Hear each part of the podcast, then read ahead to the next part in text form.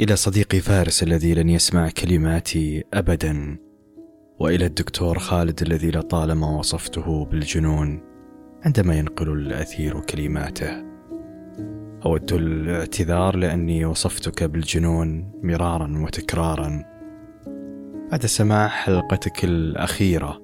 أيقنت أن لنا من أسمائنا نصيب. فارس لم يكن اسما فقط بل كان له من اسمه نصيب. لم أعرف فارس قبل أن يكون فارسا في قصتك الأخيرة لكنني شعرت وكأنني أعرفه منذ وقت ليس بقصير.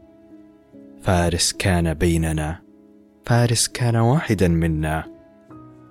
وكم فارس يعيش اليوم بيننا في انتظار انفراجه ليحظى بحياة عاتية.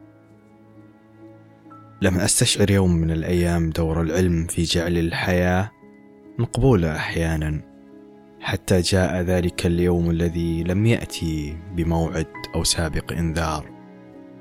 لتنقلب حياتي رأسا على عقب عندما باغتني الهلع على حين غرة. كيف تصبح الحياة عندما نعيش في دهاليز الهلع؟ ويصبح كل ما حولك يثير قلقك.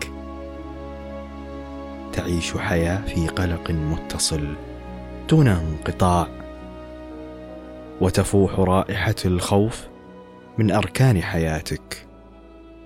الأمر مربك عندما يقلقك حتى خبر وفاة أحدهم يعيش على بعد آلاف الكيلوات. تفتش عن السكينة في كل مكان دون جدوى تبحث عنها في كل مكان ولا تجدها حتى تتشبع حياتك بالخوف. لازلت أذكر خوفي من انطفاء إنارة الغرفة العتمة التي يبحث عنها الجميع ليهنأوا بنوم هادئ ولا زلت عندما أنظر إلى باب غرفتي أتذكر مقبض الباب الذي اتكأت عليه عندما ظننت أن لحظات حياتي الأخيرة حانت. في تلك اللحظات التي انخفض ضغط الدم إلى أدنى مستوياته. شعرت حينها بأن احتمالية نجاتي من الحياة منخفضة بقدر انخفاض ضغط الدم وأن الحياة تغادر جسدي شيئا فشيئا حدث هذا وأكثر. لكني لا زلت هنا لا زلت قادر على الحياة ولا زلت هنا أثرثر عبر هذا البودكاست الذي قمت بإنشائه لأبث تفاصيل تلك التجربة لنعود الآن لفارس الذي لم يحالفه الحظ كما حالفني وكانت السكينة لي في جوف حبة وردية تعيد للحياة اتزانها. ولمن لا يعرف فارس؟